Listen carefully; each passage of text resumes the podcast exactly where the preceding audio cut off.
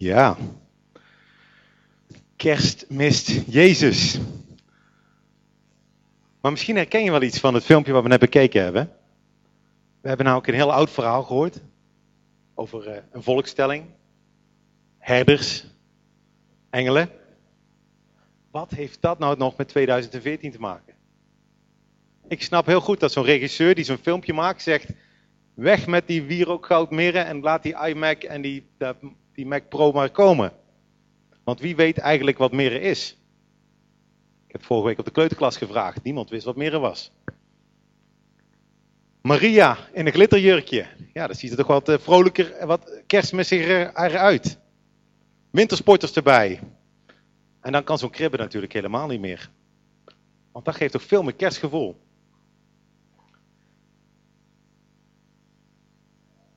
Wat is kerstgevoel eigenlijk? En wat is dat voor jou? Wat houdt jou bezig deze dagen? Wat zijn je verwachtingen voor vanavond? Wat zijn je verwachtingen voor, voor morgen? Voor de komende weken? Zie je er misschien heel erg tegenop omdat er weer familie langskomt? Of misschien ben je wel helemaal alleen de komende dagen en zie je daar tegenop? Of, of vind je het juist geweldig? Al die, al dat bezoek, kinderen, kleinkinderen, neven, nichten, allemaal over de vloer.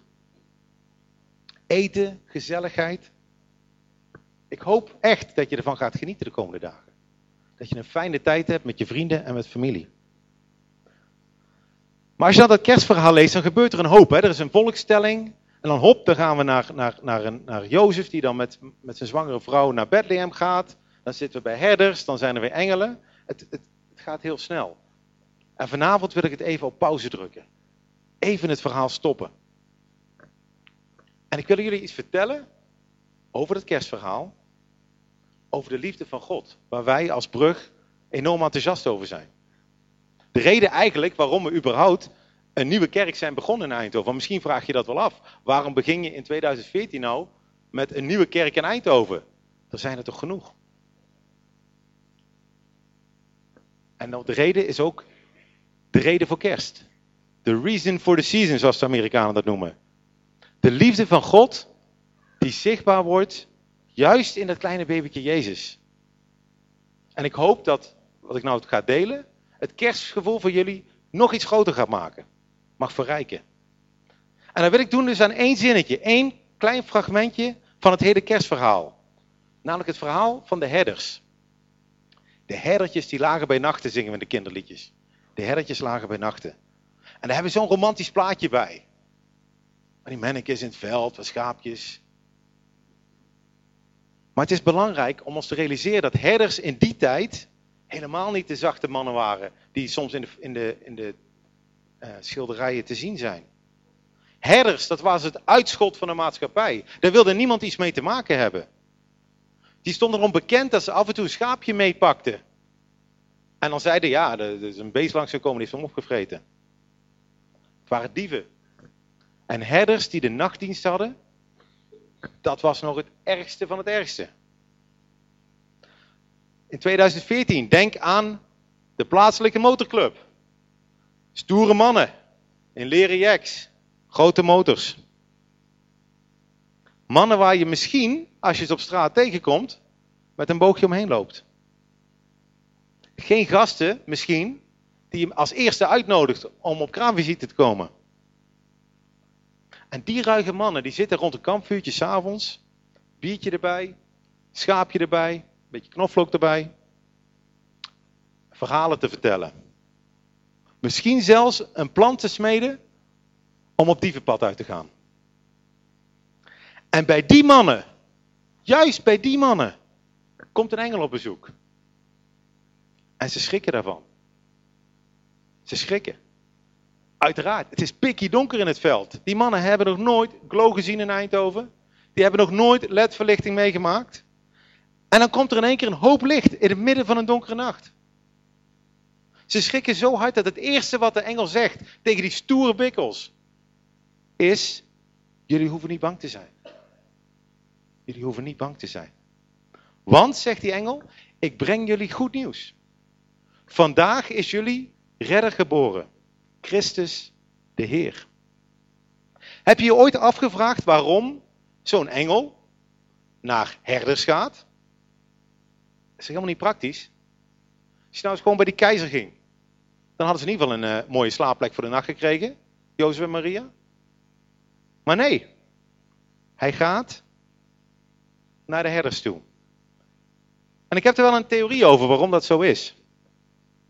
Volgens mij is dat omdat die herders als geen ander begrepen dat ze een redder nodig hadden. Je ziet namelijk ook in het leven van Jezus, als Jezus opgroeit en groter wordt, waar gaat hij naartoe? Hij gaat naar de, de dieven. Hij gaat naar de zieken.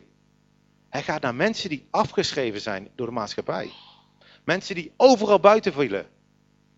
De intouchables, de onaanraakbare. Want die mensen begrepen dat ze een redder nodig hadden. Om hen te redden uit hun ellende. Maar als ik tegen jullie nou zeg, 2014, lekker warm gebouw, lichtjes aan, lekker eten op de tafel. Ik heb goed nieuws. Jullie redder is geboren. Dan kijken mensen mij vreemd aan. Een redder? Hoezo een redder? Het gaat goed met mij. Voel me prima. Ik ga volgende week op wintersport. Waar moet ik nou, waar moet ik nou van gered worden? Nou, daar wil ik nu heel kort een paar minuten aan besteden. Zodat dat goede nieuws van 2000 jaar geleden ook goed nieuws is voor ons, vandaag, voor jou. Sommigen van jullie weten, ik heb vijf kinderen. En daardoor tijd, oeps, gezellig druk bij ons thuis. En ik doe echt mijn best om ze op te voeden. Echt waar. En ze zit hier ook heel stil en heel braaf. En soms, heel soms, doen ze dingen die ik ze niet geleerd heb. Sterker nog, ze doen soms dingen waarvan ik gezegd heb dat ze die niet moeten doen. Kan je haast niet voorstellen. Soms gillen ze naar elkaar. Mijn kinderen. Soms pakken ze elkaar spullen af. Soms uh, jokken ze. Soms spelen ze met hun autootjes in het toilet. Heb ik ze echt niet geleerd. En andersom doen ze soms dingen niet waarvan ik heb gezegd dat ze die wel moeten doen. Ruim je kamer op. Is toch helemaal niet zo moeilijk? 3 bij 3 meter, 9 vierkante meter. Ik doe, de, oh, ik doe de rest. Dat klinkt heel ruig. Wij doen de rest wel. Tafel afruimen. Je bordje leeg eten. Je broertje helpen. Raar dat mijn kinderen dat soms uh, niet doen. Maar wat mijn kinderen niet doen, dat doen we allemaal niet. Wij doen allemaal dingen waarvan we weten dat we ze niet zouden moeten doen. Soms worden we boos. Soms uh, vloeken we. Soms roddelen we. Een leugentje om best wel. Soms uh, pakken we iets wat niet van ons is. Soms rijden we door rood en we weten eigenlijk dat dat niet kan. En andersom, soms vergeten we ook de dingen te doen die we eigenlijk wel zouden moeten doen. Ik moet heel liefdevol omgaan met mensen, is mij verteld. Maar als er weer zo'n chauffeur op de weg rijdt die gewoon zijn rijbewijs niet had mogen krijgen, dan ben ik niet heel liefdevol richting die persoon. Ik moet geduldig zijn. En dat is heerlijk als ik in mijn eentje ben. Maar als ik thuis kom na een drukke dag en het is een puinhoop en, en de kinderen rennen rond en mijn vrouw staat eten te koken, dan is het soms heel moeilijk voor mij om geduldig te zijn. Ik moet vriendelijk zijn, ook als ik mijn zin niet krijg. Ik mag niet jaloers zijn. Ik moet de waarheid spreken. En iedere keer als we niet doen wat we wel zouden moeten doen, of wel doen wat we niet zouden moeten doen, dan noemt de Bijbel dat zonde. En dat doen we met z'n allen. 7 miljard mensen op deze planeet doen dat. Met elkaar. En het gevolg van zonde is verwijdering, is afstand. En bij mijn kinderen zie je dat heel goed. Als ze iets gedaan hebben wat ze niet mogen, dan kunnen ze me niet meer recht aankijken. Dan draaien ze zich weg. Of dan gaan ze zo staan kijken naar mij. Die kunnen me niet recht aankijken. Als het niet goed gaat tussen mij en Nicole, dan kunnen we wel samen op de bank zitten. Maar er zit er altijd net wat meer afstand tussen dan wanneer het wel goed gaat. Die zonde zit tussen ons. En dat geldt ook met God. Door de dingen die wij doen zit er een afstand tussen ons en God. En het grappige is, als mijn kinderen daarop aanspreek, reageren ze altijd hetzelfde. Ze zeggen dat ze zo slecht nog niet zijn. Ik ben niet zo slecht als mijn broertje. Gisteren heb ik de tafel nog afgeruimd, maar zij heeft het de hele week nog niet gedaan. Ze vergelijken zich meteen met de, hele andere, met de rest van de wereld. En het andere wat ze doen, is ze zeggen dat ze hele mooie dingen gedaan hebben. Zoals die tafel afruimen. Maar weet je, dat maakt helemaal niks uit. Je kan heel veel mooie dingen doen. En je kan ook beter zijn dan je zusje. Maar als jij tegen mij gejokt hebt, dan is er nog steeds die afstand tussen ons. En daar kan ik. Die vertrouwensbreuk is, is er gewoon. Herken je dat? Hoe reageer jij als je aangesproken wordt op iets wat je doet? Vaak doen we hetzelfde. We vergelijken ons met de slechte mensen uit de wereld. Die zelfverrijkende bankiers hè, staan op de voorpagina van de krant. Mensen die vreemd gaan. Rare families die we graag op tv kijken, want dan valt het bij ons eigenlijk nog wel mee. De Kardashians, de Osborns. Of we kijken naar onze rare buren. Of onze gekke vrienden die we nota bene zelf uitgekozen hebben. En gelukkig gaat het daar net iets slechter dan bij ons. Sterker nog, wij vinden ons zo oké, en er is onderzoek naar gedaan, als je aan mensen vraagt, zet iedereen van de wereld op een rij, 7 miljard mensen, moeder Teresa aan één kant en Hitler aan de andere kant, dan zegt 80% dat ze aan de helft zitten waar moeder Teresa zit. Dat kan natuurlijk niet, want er zit maar de helft. Dat is wiskunde. Ik weet niet of jullie wiskunde hadden, maar dat kan echt niet. Wij denken altijd dat we beter zijn dan dat we zijn. En het andere wat we doen, is we roepen altijd meteen, maar ik ben zo goed. Ik heb zoveel goede dingen gedaan.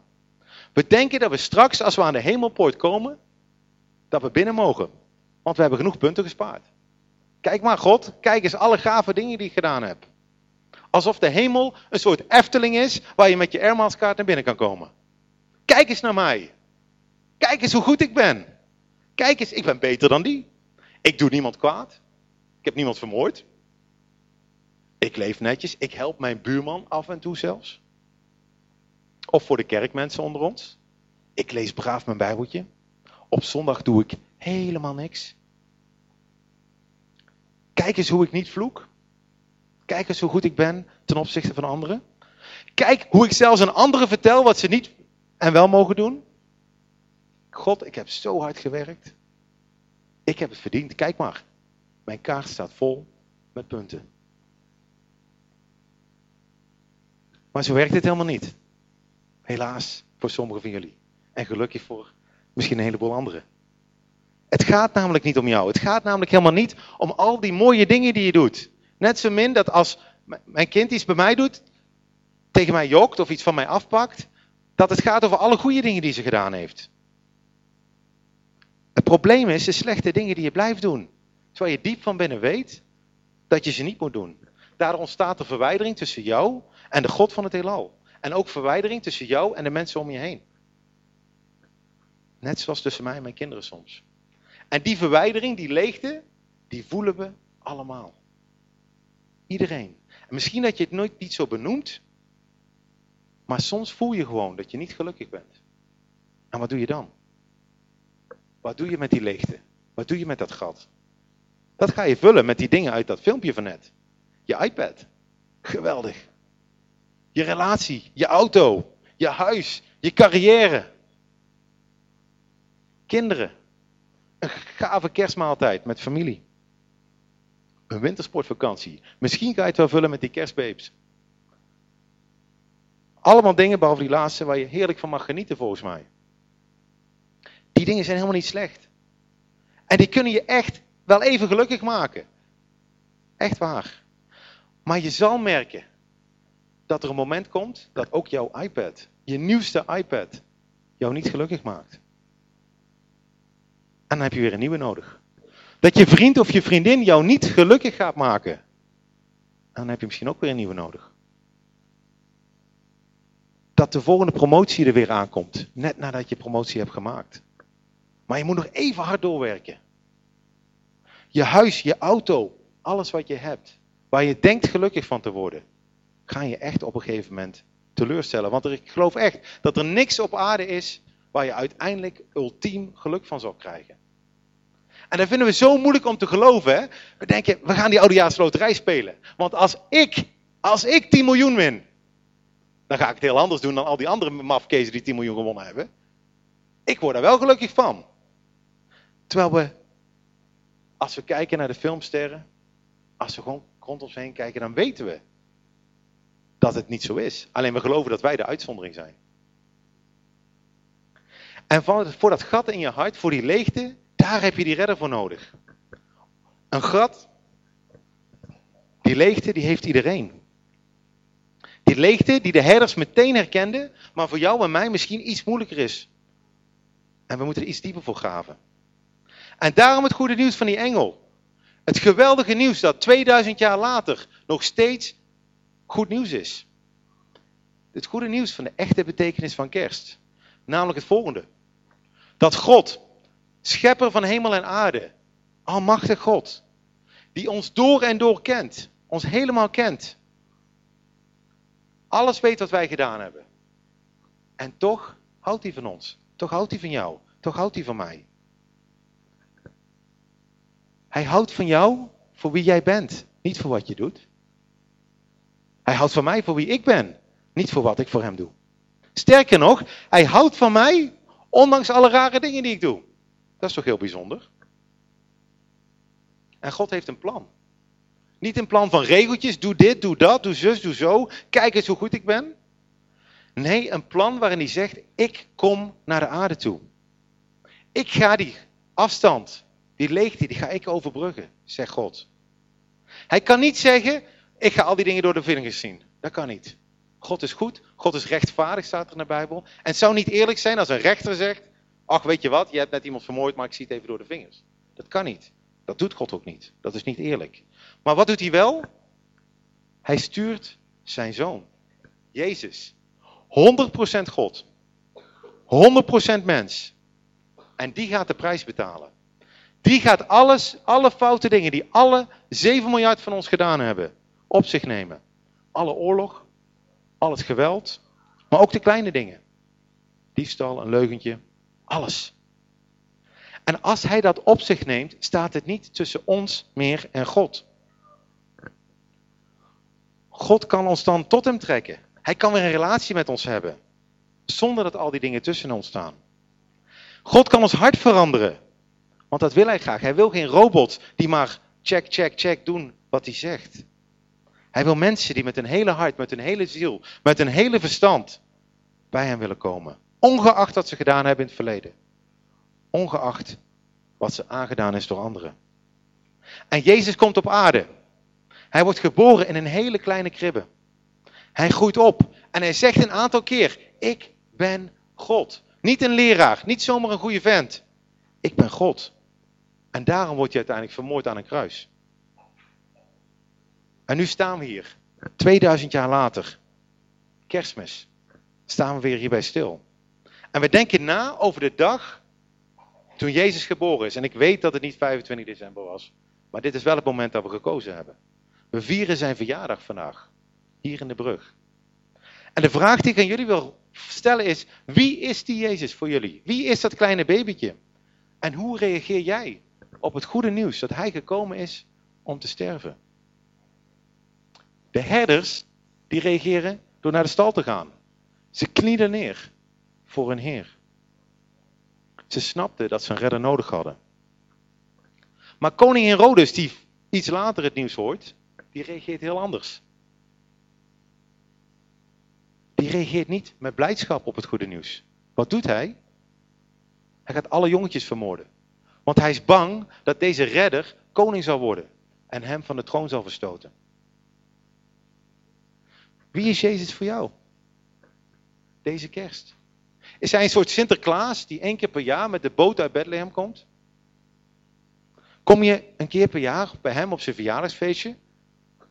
Kom je een babytje kijken in een kribbe? Je feestkleren aan? Ben je een dagje aardig voor elkaar, voor je broertjes en zusjes? En ga je dan lekker thuis worstenbroodjes eten? Dat kan hè? En dat mag ook. Dat mag ook. Maar er is zoveel meer. Er is zoveel meer. Ik heb dat pas 15 jaar geleden ontdekt. Dat er zoveel meer was. Voor mij is het een hele tijd verjaardagsfeestje geweest, één keer per jaar. Ik begreep toen ik 22 was dat Jezus voor mij gestorven was, voor mij. Ik heb dat niet gehoord door een engel die, die toen ik in de weiland was in de nacht naar mij toe kwam. Maar iemand die mij deed inzien dat ik een redder nodig had. Dat ik niet verder kon, hoe goed ik mezelf ook vond. Jezus heeft mij gered. Hij heeft mij vrede gegeven, vrede in mijn hart. Iets waar ik erg naar op zoek was. Hij heeft mij vrijheid gegeven. Vrijheid om te leven zonder de last te dragen van alle dingen die ik fout had gedaan. Die hoef ik nou niet zelf te dragen. En hij heeft mij vreugde gegeven, blijdschap. Vreugde omdat ik weet dat God van mij houdt. Dat ik zijn kind ben, zijn geliefd kind. En dat hij zelfs zijn zoon niet gespaard heeft om mij te winnen. Niet omdat ik zo fantastisch ben. Niet omdat ik allemaal hele goede dingen gedaan heb. Nee, zelfs ondanks alle dingen die ik gedaan heb. Omdat hij mijn hemelse vader is. En dat is de reden dat ik hier sta vanavond. Dat is de reden dat, dat we een brug hebben in Eindhoven. Dat is het goede nieuws van kerst. Dat God van je houdt. En wij willen je helpen in je zoektocht. Zodat je die God ook op die manier mag, kennen. Dat hij meer wordt dan een klein kindje in een kribbe, die misschien jaarlijks, jaarlijks bij stilstaat. Maar dat je echt dag in dag uit met hem mag leven. Zodat je ook zijn vrede en zijn vrijheid en zijn vreugde mag ervaren. Dat het kerstgevoel niet alleen een moment is van sneeuw en kerstbabes en muziek en iPads. Niet alleen een moment van fijn bij elkaar zijn, genieten van lekker eten, maar dat het nog veel dieper gaat. Dat ook jij met kerst, deze kerst, mag ervaren, mag voelen hoeveel God van je houdt. Dat willen we graag. En die vraag leg ik bij jullie neer. Wil je dat? Ik kan je daar niet toe dwingen. Ik zeg alleen dat ik er enthousiast over ben. Misschien is het mooi om daarover na te denken. Welk kerstgevoel wil jij? Wat betekent kerstmis voor jou in 2014? En de band komt zo naar voren, die gaat een liedje spelen. Mary, did you know? En terwijl ze naar voren komen, wil ik opnieuw bidden. Even met God praten. Voor mijzelf, maar ook voor ons allemaal. Dat we zijn liefde mogen ervaren vanavond. Vader in hemel. Heer, u bent schepper van het heelal van hemel en aarde. Heer, u bent een almachtig God. Heer, ik dank u dat wij vanavond zo bij u mogen komen. Dank u dat u niet heel ver weg bent, niet afstandelijk bent, maar dat u juist heel dicht bij ons wilt zijn. Zo dicht, Heer, dat we u onze vader mogen noemen, dat we u papa mogen noemen. Heer, dank u dat uw liefde voor ons zo groot is, dat u zelfs uw eigen zoon heeft gestuurd om het goed te maken tussen ons en u. Heer, dat het niet van mij afhangt. Niet van ons afhangt. Heer, maar dat u de eerste stap genomen hebt. Heer, dank u dat dat niet van mijn prestatie afhangt. Of voor hoe goed ik ben. Want zo goed ben ik niet. Dank u, Heer, dat, we, dat u zo dichtbij bent dat we hier gewoon vanavond met u kunnen praten. Zonder dat we iets of iemand nodig hebben die tussen ons in staat. Heer, ik bid. Wilt u vanavond bij ons zijn? Wilt u uw liefde laten zien aan mij en aan alle mensen hier? Heer, mogen we deze kerst ook u ervaren. Dat we niet u moeten missen tussen al het feest, geweld, alle bijeenkomsten die we hebben, alle sportreizen die we gaan maken. Heer, dat we de geboorte van u, Zoon Jezus, mogen herdenken. Heer, dank u voor uw Zoon die geboren is in een stal in Bethlehem. En ik bid, Heer, dat hij ook geboren mag worden, Heer, in ons hart. Amen.